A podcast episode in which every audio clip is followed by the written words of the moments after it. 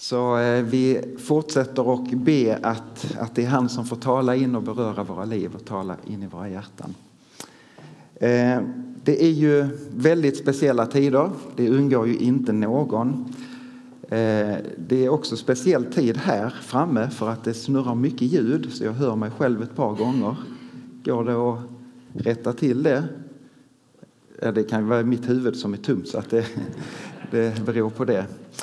Eh, det är som sagt väldigt, väldigt speciellt. Tack så mycket Anton. Eh, speciella tider för, för eh, den här världen och den här tiden. Men det är också väldigt gott att mitt i det påminna sig om att vi är här tillsammans. Vi är alla i ett möte. Om vi sitter här i lokalen eller om vi är med via sändningen så, så är det faktiskt så att vi alla är i ett möte med den Gud som inte är begränsad av tid och rum. Eh, och det är ett möte som vi ständigt lever i men som vi får påminna oss om också i det att vi firar gudstjänst tillsammans. Eh, när vi träffades i styrelsen i måndags så, så delades det två eh, strofer ifrån från ett par saltarsalmer som jag skulle vilja inleda med innan vi kommer in i det som är vårt tema för den här söndagen, den temaserie vi befinner oss i. Ifrån Saltaren 91, några verser, och från Saltaren 92, några verser. Där skriver salmisten så här. Den som bor i den Högstes skydd och vilar i den väldiges skugga, han säger Herren är min tillflykt och han är min borg, min Gud som jag förtröstar på. Han räddar dig från jägarens nät och från den förhärjande pesten. Han täcker dig med sina vingar och under dem finner du tillflykt. Och hans trofasthet är en sköld och ett bålverk. Du behöver inte frukta nattens fasor eller pilen som flyger om dagen, inte pesten som smyger i dunklet eller farsoten som härjar i mid middagshettan. Och så lite längre fram så påminner salmisten om att Gud låter sina änglar beskydda våra liv och våra, våra vägar på olika sätt.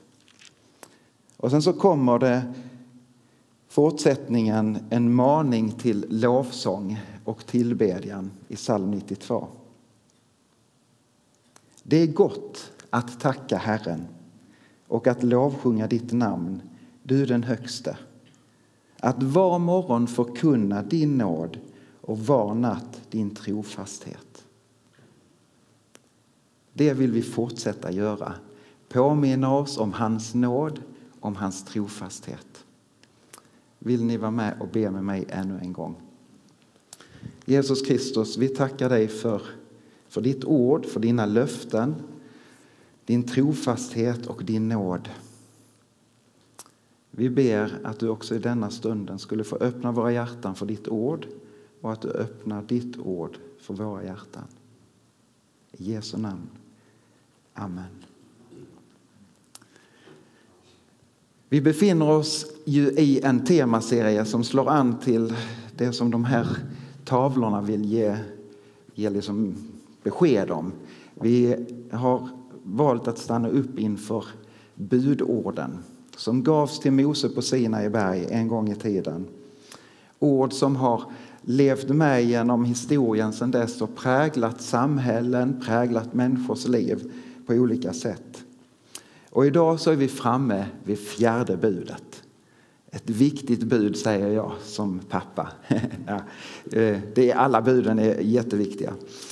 Eh, detta fjärde budet som, som gör på något sätt en språngbräda in att efter att ha talat med ett mycket stort fokus på Herren så är det som också en brytpunkt där resten av buden börjar tala om hur vi förhåller oss till varandra.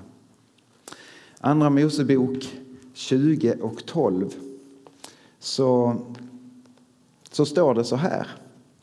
Visa aktning för din far och din mor så att du får leva länge i det land som Herren din Gud ger dig. Visa aktning för din far och din mor. Hedra din fader och din moder. Ett påbud.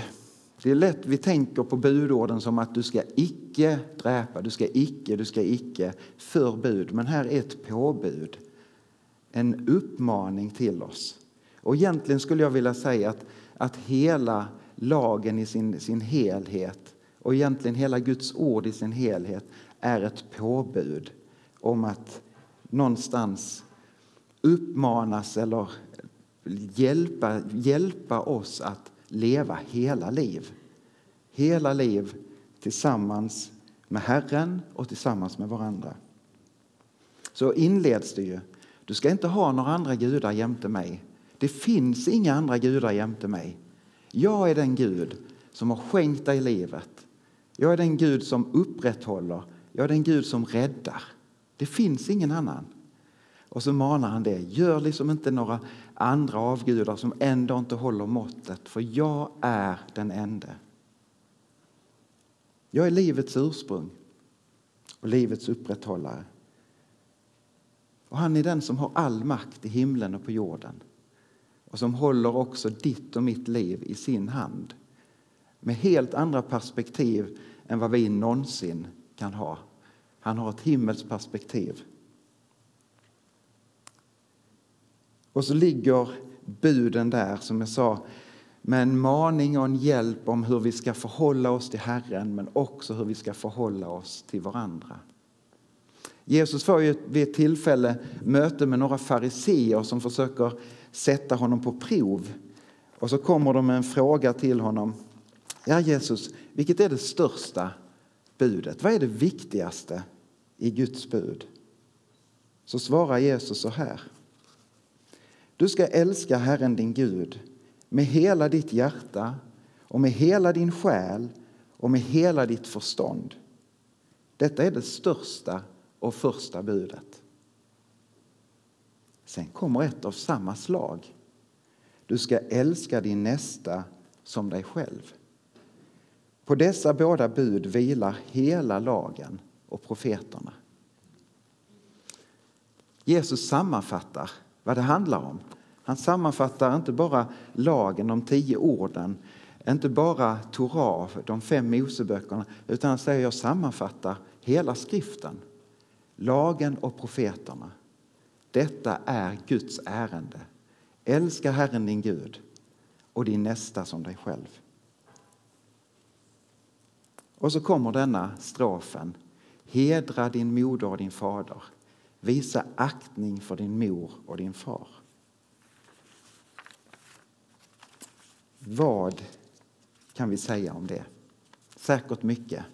Några saker som har dykt upp i, i min tanke är först och främst detta att vi, vi har ju, våra liv ser olika ut, men vi har vissa saker gemensamt. Kanske mer än vad vi tänker på. Men, men en sak som vi alla har gemensamt, och var du nu än sitter i, i världen eller i landet, eller om du sitter här, vilken ålder du än har, så har vi alla detta gemensamt, att vi är barn till våra föräldrar. Är det någon som inte är det, så, så är du inte här. Det har vi gemensamt. Vi är alla barn till våra föräldrar. Oavsett om de är i livet eller om de inte är i livet så är det ett faktum att vi är barn till våra föräldrar. Vissa av oss är också föräldrar. Vissa har till och med blivit både så att man har barn, barnbarn och kanske barnbarnsbarn. Men vi kan ändå alltid falla tillbaka på att det har vi gemensamt, att vi alla är barn till våra föräldrar. när man liksom kan fascineras lite grann över, över det där att man ingår som en del, en pusselbit faktiskt i ett stort och långt släktträd. Jag eh, hittade en, ett litet häfte hemma i, igår eller i förrgår som jag fick när jag var 13 år gammal och som jag fascinerades över. Då var det så att min pappa hade en kusin eh, uppe i Jönköping som hade ställt i ordning en släktkrönika eh, som egentligen tar lite sin, säga, har sitt centrum kring min gammelfarfar och min gammelfarmor. Paolo Botilda Svensson utifrån Södra Varalöv strax utanför för Ängelholm. De här människornas liv, två personer som sen har blivit ett träd som har grenat ut sig och där jag var en liten, liten pyttegren. Läser man antavlorna tillbaka så, så kommer man så långt tillbaka som om det är nio eller tio generationer, så det är någonstans på, på 1600-talet. Och jag kommer ihåg som 13-åring hur jag bläddrade i denna och läste och, och, liksom, och så plötsligt kom jag fram till den lilla rutan som handlar om min mamma och pappa. Och så stod mina två storebröder, också jag som den yngste. En liten pyttegren på det här trädet. Och så bara tänkte wow. Och nu så är jag snart en, plötsligt händer det att man nästan är en av de äldsta levande i det här släktträdet. Det är nästan lite läskigt, höll jag på att säga. Men för mig blir det en bild av att, att liksom påminna sig om att mitt liv är en liten del i en stor, lång kedja. Och sen så har vi inte sett, och så är det med ditt liv också. Du ingår också i ett släktträd, men där du också är given den delen för att du har en mor och far att tacka för att du faktiskt lever.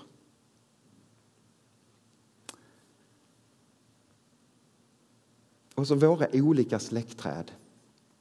Det här ser vi inte i sin helhet, men någonstans kan vi ana och tro att de smälter samman i ett och gemensamt ursprung.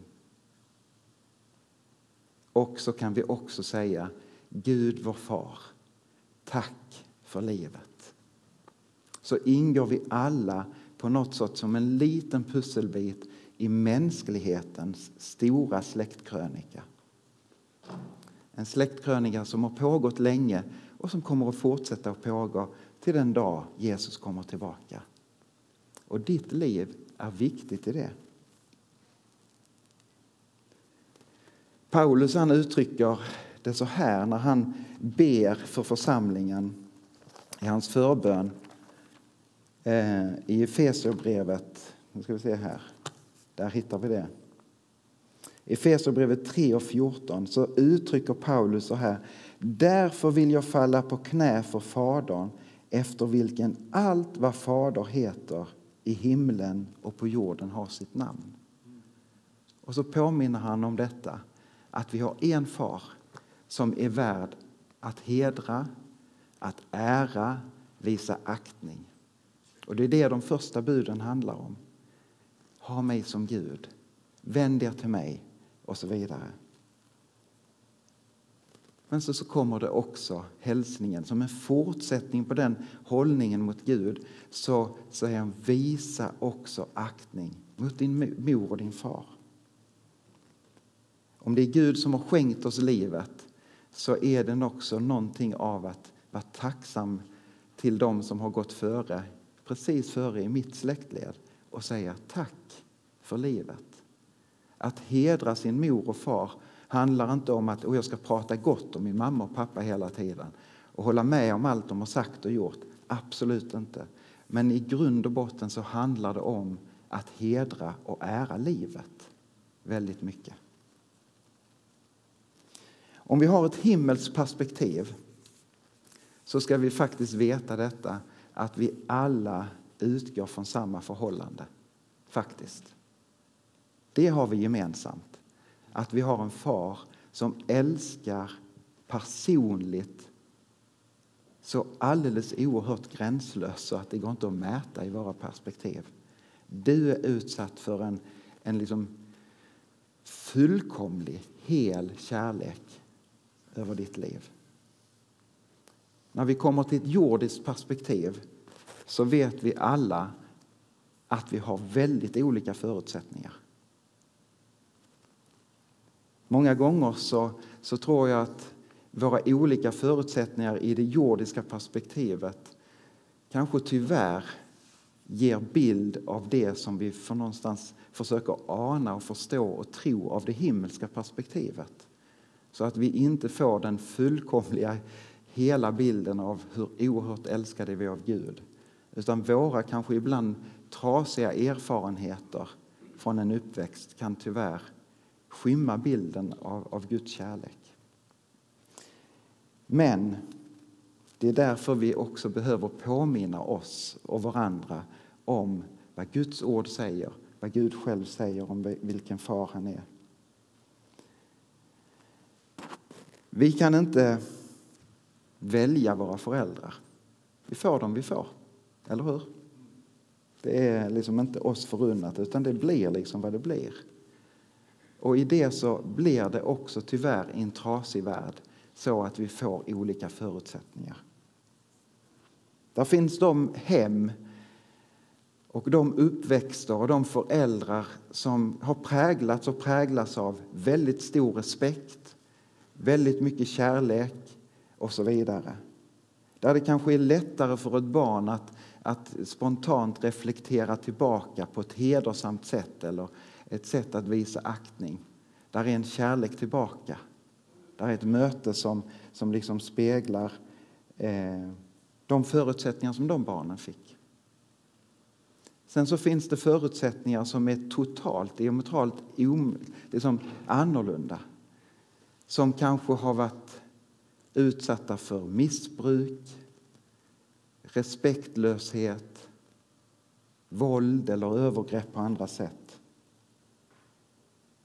Och där kanske barn får en erfarenhet gentemot sina föräldrar som istället bär på djupa, djupa sår, sorg och istället för heder och aktning så kanske där är förakt som väcks i de människornas liv. Kanske med rätta.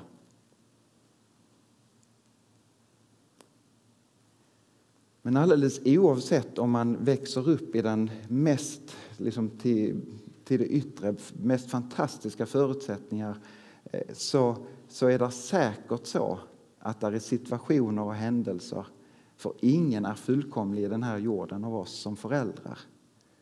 Där är situationer där man säger Åh, pappa, varför, var du, varför följde du aldrig med på fotbollen? Varför var du frånvarande? Mamma, varför brydde du dig inte mer? Och så vidare. Så någonstans så tror jag, oavsett var vi befinner oss på den här skalan av, av upplevelse i förhållande till våra föräldrar, så har vi alla, tror jag, behov på ett eller annat sätt att söka försoning och förlåtelse. Just av den anledningen av att vi ska hedra livet. Tyvärr tycker jag mig ana av människor som man möter eller berättelser och vittnesbörd som man tar del av att det är många som kan berätta om de här felaktiga situationerna som har varit eller uppväxt som, som liksom har präglat en så att man bär på mycket sår och sorg.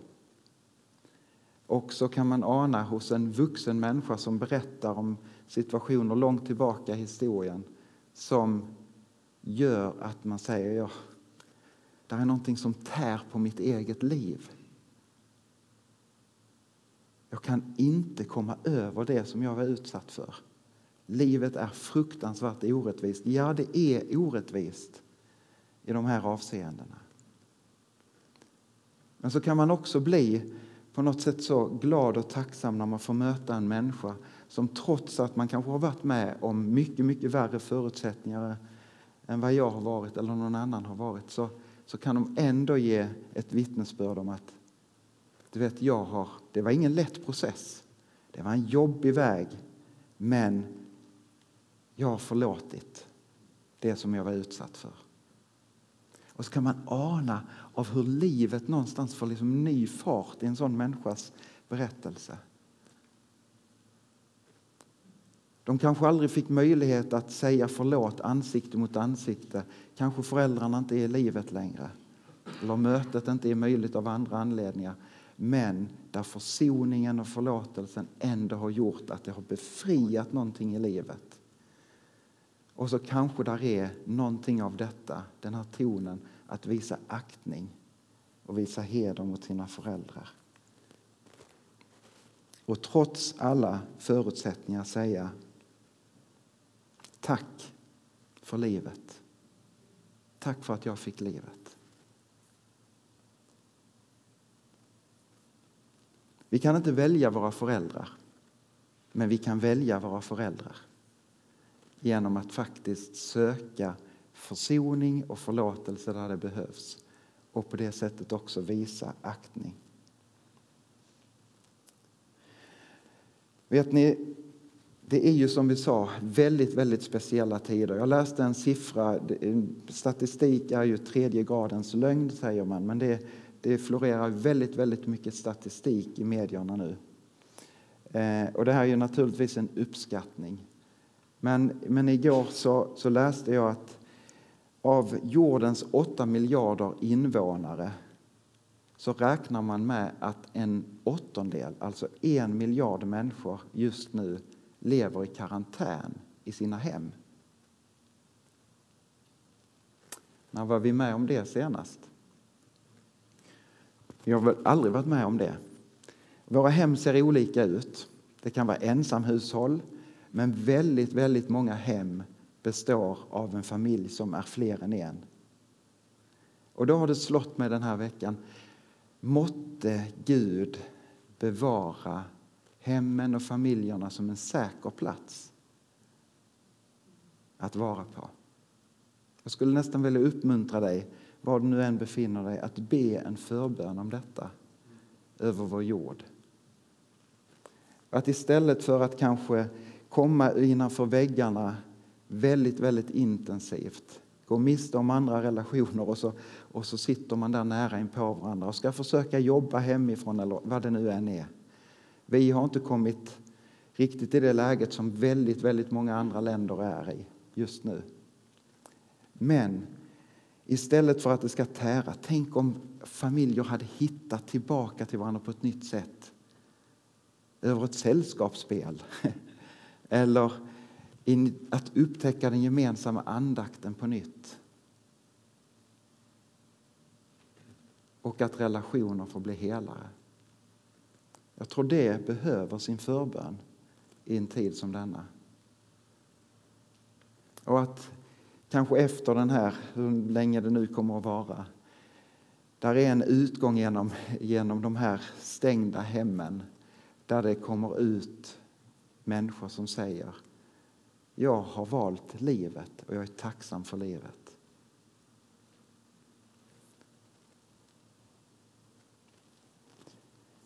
När vi talar om Gud som en faders eller modersgestalt så är det, är det ju faktiskt så att vi har olika förutsättningar att kunna applicera det på våra liv på grund av att vi har olika förutsättningar för våra egna uppväxter. Men vi får inte sluta påminna oss om vem Gud är. Som en fader, som en moder för oss. Jag skulle vilja avsluta och läsa med ett profetord från Jesaja 49. Där det står så här, 49.15. Glömmer en kvinna sitt lilla barn bryr hon sig inte om den hon själv har fött. Och även om hon skulle glömma så glömmer jag aldrig dig. Nej, ditt namn är skrivet i mina händer. Jag tänker ständigt på dina murar. Så säger Herren, skulle ni glömma varandra? Nej, man gör ju inte det, men även om vi skulle göra det i vår bristfällighet så säger Gud, jag glömmer aldrig. Jag har skrivit ditt namn i min hand. Och använd bilden av detta. Bibeln manar oss att vara tacksamma för att vi har i tron på Jesus Kristus fått vårt liv skrivet i Livets bok, eller vårt namn skrivet i Livets bok. Men tänk också detta som profeten säger, jag har tecknat ditt namn i min hand. Och för mig blir det en bild på det Jesus gör på korset när han låter sig fästas på korset för din och min skull för att vi skulle få leva i evighet och i relation med Gud. En hel relation. Så naglas han fast med spikar som drivs genom hans handleder. Och på de spikarna så är det nästan som att Gud säger, jag låter rista in ditt namn i min handled. Djupt, djupt, djupt inborrat med spik. Ingen bläckpenna som man kan sudda ut, utan det är borrat rakt igenom mina händer. Och där sitter ditt liv. Och därifrån utgår också våra liv.